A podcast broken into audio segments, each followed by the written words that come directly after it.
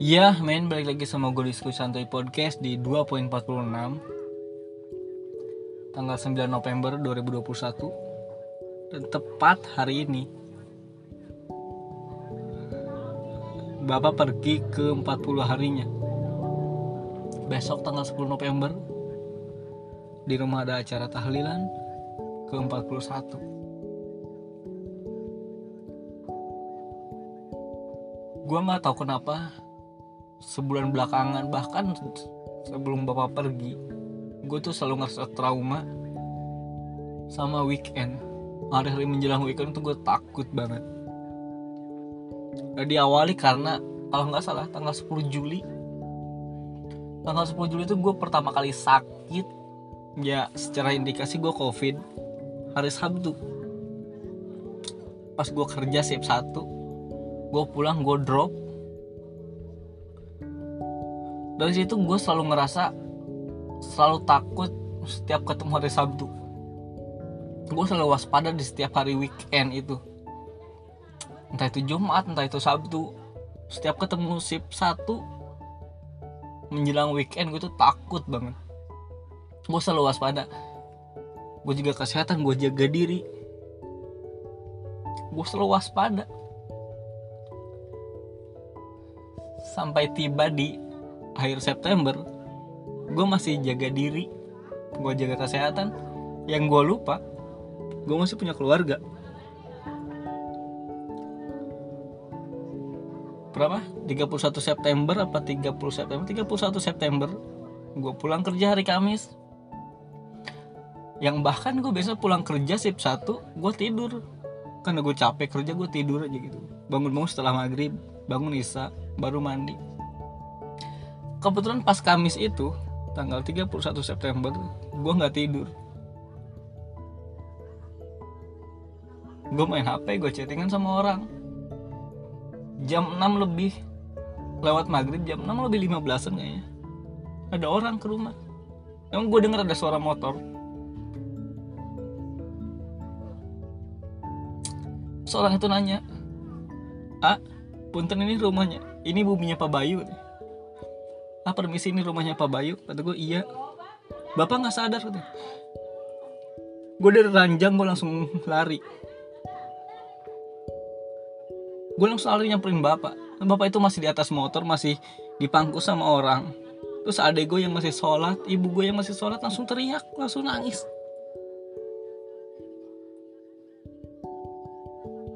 Di situ terus gue hancur banget kan hancur hancur hancur bisa bapak sampai kayak gini.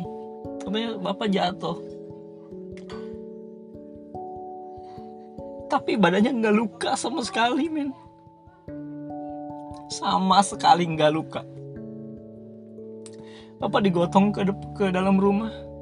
Bapak dipencet bapak dipijit masih gerak. Posisinya tuh bapak matanya udah merem terus mulutnya udah mingkem terus nggak bisa ngeluarin satu patah kata pun bapak bahkan nggak melek sama sekali tapi bapak posisinya ngorok kayak orang tidur. Coba. Orang tidur seperti biasa men. Dipijit bapak gerak.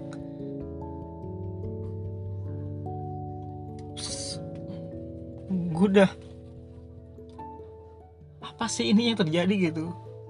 Ibu udah nangis adek gue nangis keluarga nangis orang-orang tetangga juga ngeliat udah rame. Manggil bidan. Dicek tensi darah bapak 220 kata bidan. Nggak sanggup bawa aja ke rumah sakit. Bapak langsung bawa ke rumah sakit. Gue belakangan karena gue mandi dulu gue jaga rumah dulu. Habis itu habis mandi gue pergi ke rumah sakit. Bapak langsung masuk IGD gue nggak langsung masuk IGD gue lihat dulu boleh nggak gue masuk gitu. Karena kan bisa di IGD cuma paling satu dua orang. Terus gue masuk nemenin ibu gue ibu gue yang lagi di dalam. Kakak gue adik gue lagi sholat gue nemenin ibu. Terus ibu suruh keluar. Posisinya. Bapak tuh udah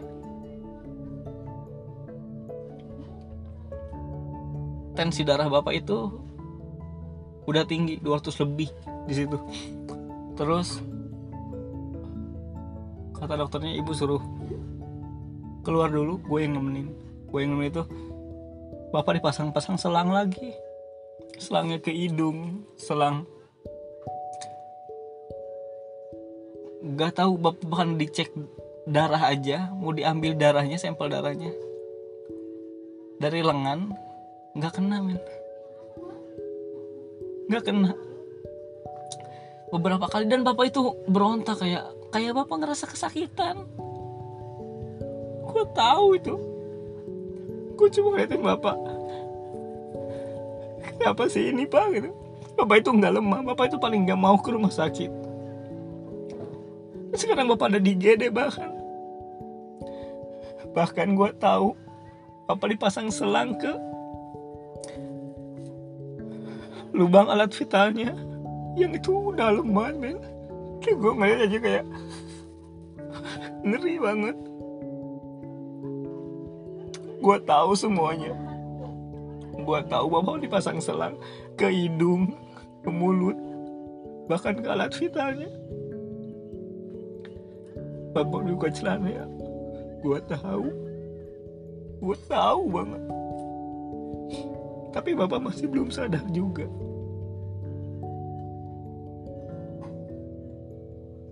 apa semalaman di rumah sakit? Ya di ngajiin di bang ngomong ayo dong pak bangun. Itu bapak itu nggak lemah. Bapak jangan kalah sama orang lain. Tapi bapak masih gak ada respon. Semalaman di ngajiin sama si nyai adek gua. Sama mama. Dibangun bangunin gak bangun sampai pagi jam 8 kata dokternya memang kata dokter semalam kalau tensi mbak tensi darah bapak udah 200, 200 ke bawah kita mau CT scan nih. Cuman nggak di rumah sakit ini kita bawa ke rumah sakit yang lain. Karena fasilitas sini nggak ada ya udah. Jam 8 bapak dibawa bahkan pas sebelum dibawa dimasukin ke ambulan. Bapak itu nangis. Bapak itu berontak kayak nggak mau nggak mau gitu tapi bapak tetap dibawa ke ambulan yang pergi itu si mama sama kakak gua. Perasaan gue sebenarnya udah nggak enak. Sebelum bapak dibawa ke CT scan gue tuh masih ngerasa bapak bisa ini bapak masih bisa selamat itu ya pas bapak dibawa ambulan gue tuh ngerasa kenapa harus dibawa sih bapak itu udah berontak aja nggak mau gitu. Sejam 9 lebih 4 menit gue ditelepon sama kakak gue bot apa tuh gue atur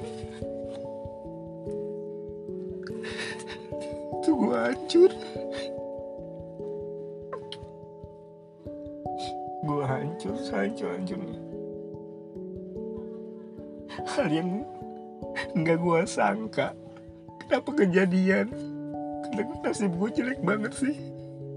Gue bisa gue bisa ngapa-ngapain gue bisa bisa ngebahagiain orang tua. Sekarang bapak pergi.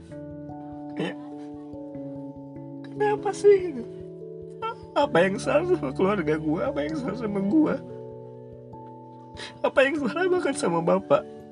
Apa gitu? Kenapa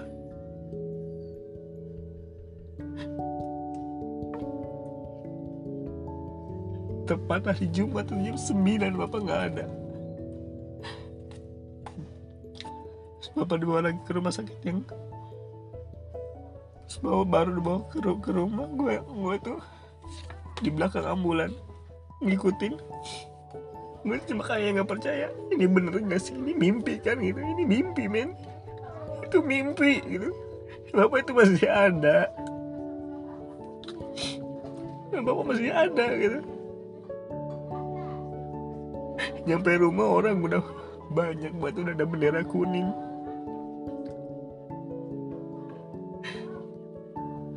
Orang-orang udah nyamperin bapak gotong bapak. Gue tuh nggak berani ngeliatnya gue nggak tega.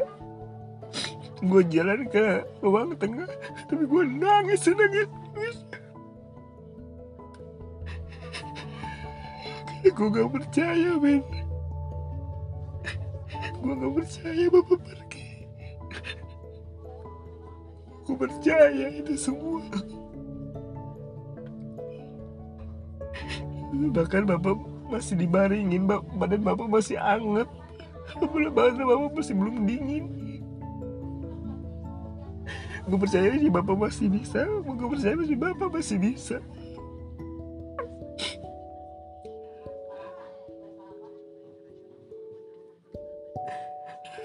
Bahkan yang sampai sekarang yang selalu gue inget yang nyesek banget yang sakit banget itu. Ketika si Nyai ada gue bilang bapak can banget iya gitu apa can banget iya? Itu sampai sekarang omongan itu inget banget selalu nyakitin. Ya karena ada gue paling deket sama bapak. Apa can banget iya situ nyesek banget sakit banget gue kenapa ini kejadian sama gue sama keluarga gue sih? Bapak yang pergi dari rumah sehat walafiat. Kenapa pulang-pulang kayak gini? Kenapa bapak pulang dianterin orang? Udah gak sadar terus bapak pulang lagi ke rumah? Udah nggak ada. Kenapa? Kenapa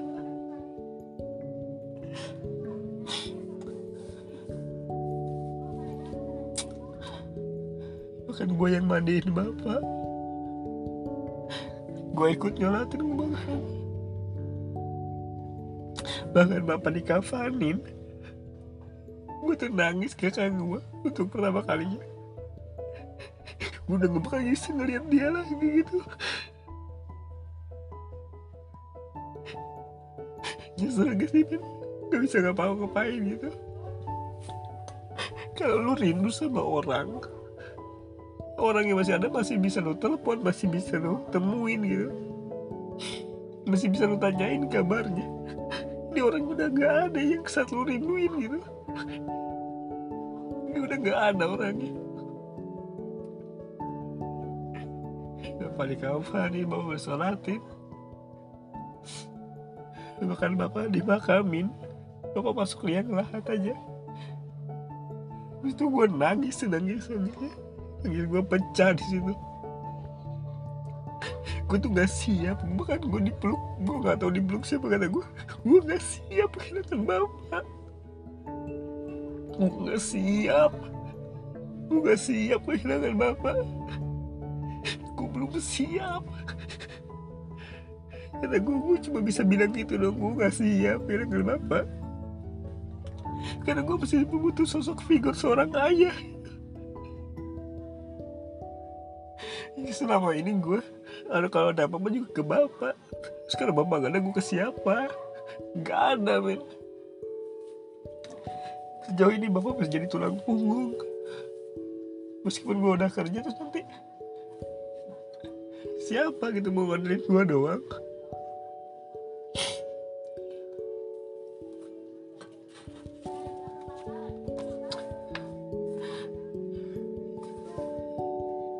satu Oktober adalah hari paling hancur gue selama gue hidup. Gue kehilangan orang yang paling gue cintai di dunia ini. Gue gak perlu gue kehilangan siapa pun asal jangan keluarga gue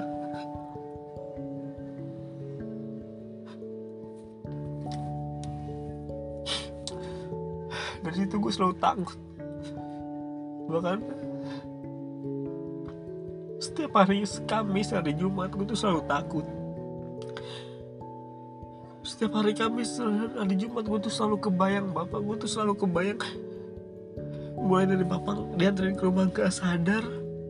Bapak dipasang serang sampai bapak nggak ada gue selalu inget itu. Selalu selalu inget gue nggak tahu kenapa. Gue tuh selalu inget kejadian semuanya. Bukan gue inget banget detailnya gimana. Gue inget banget.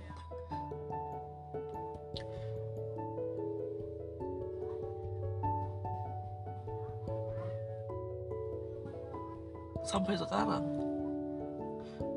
Sampai minggu kemarin setiap hari Kamis hari Jumat itu gue selalu selalu nggak kuat nanya. Iya gue bisa kuat di depan orang tua gue di depan mama gue bisa kuat di depan sendiri gue bisa kuat di depan abayu. Tapi kalau sendiri nggak bisa. Gue juga sama. Gue kehilangan orang yang paling gue cintai. Iya orang yang tahu gue nangis nguatin gue tapi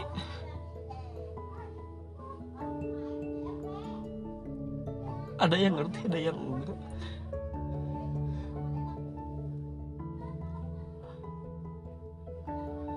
Sampai sekarang gue tuh selalu trauma gue selalu takut setiap hari Kamis setiap hari Jumat. Gue takut banget. Makanya gue setiap hari Kamis hari Jumat itu takut sendiri. Takut banget sendiri. Gue tuh takut banget sendiri sampai sekarang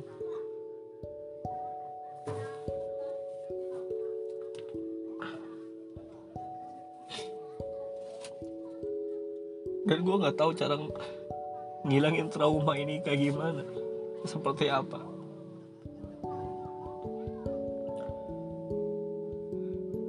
Gue nggak tahu cara ngilanginnya.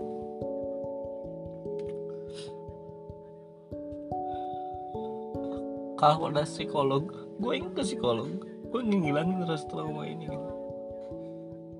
Gue tuh selalu takut setiap hari Kamis Jumat sekarang. Dari mulai gue awalnya gue terindikasi covid sampai gue kehilangan bapak. Gue tuh takut banget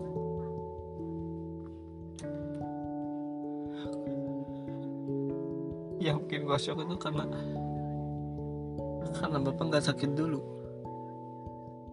Kalau misalnya bapak sakit dulu ya mungkin gue bisa nerima karena oh bapak meninggal karena sakit.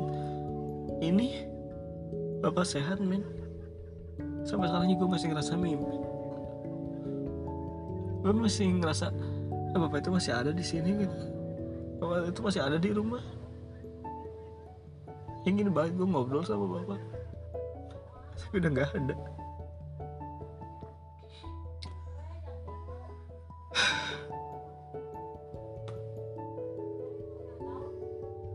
Gue trauma sama Kamis dan Jumat.